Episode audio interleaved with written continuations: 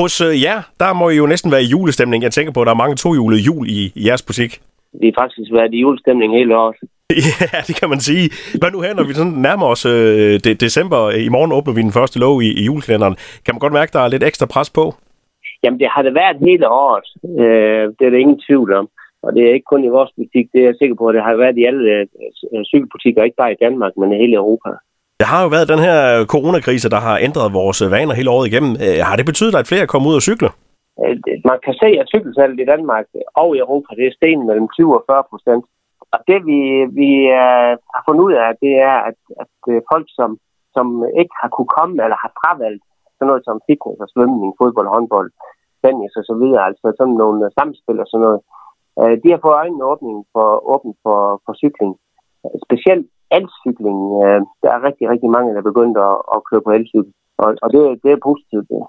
Ja, for den her med, med, med elcyklen, Esben, øh, i, sådan, i, til at starte med, der var det sådan øh, ældre folk, der skulle have en elcykel, men hvis jeg sådan kigger på gadebilledet, så, så, så er alle sammen jo ikke øh, helt oppe i årene, når de kører på elcykel i dag. Ej, det er ligesom, når man øh, er ude på ski, og så tager man skiliften. Det gjorde man heller ikke i gamle dage, når man var rigtig sejt.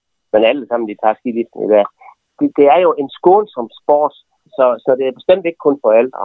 Det kan jo også være, at det, det er yngre, de måske har været ud for noget knæoperation eller anden operation, eller de har nogle lidelser, øh, og de synes, det er lidt træls at komme op ad en bakke eller komme ud i modvind. Så, så kan man godt, bestemt godt få noget, noget motion på en elcykel. Så det findes jo elcykler, der kører op til 200 km i rækkevidde. Ja, så det bliver en lang tur. man skal ikke sige, at, at man ikke kan få motion på, på en elcykel. Det kan man, det kan man helt bestemt.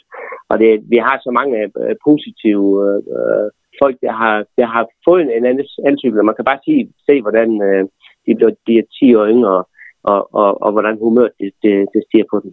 Og hvis man ikke har prøvet en elcykel nu, så kan man komme forbi hos øh, jer og, og, og få en masse gode råd og vejledninger, og sikkert også en prøvetur. Jamen jeg vil sige, man skal ud og prøve nogle forskellige elcykler, men man skal så sandelig også have et kørekort til sådan en. Man skal sørge for, at den bliver ordentligt indstillet, og man skal sørge for at få den elcykel, det dækker ens behov. Øh, men, men sådan noget som et, som et kørekort på en rigtig indstillet for at undgå uheld, øh, og så ikke at, at få, få nyskær, at man, man sidder komfortabelt på, på, på en elcykel, så man ikke øh, laver ulykker på den ene eller den anden måde, det, det, er, det er en vigtig ting. Men kommer man ind til en autoriseret cykelhandler, så er man sikker på, at man får den, den råd og, og vejledning, man har brug for. Og man skal huske cykelhjelm.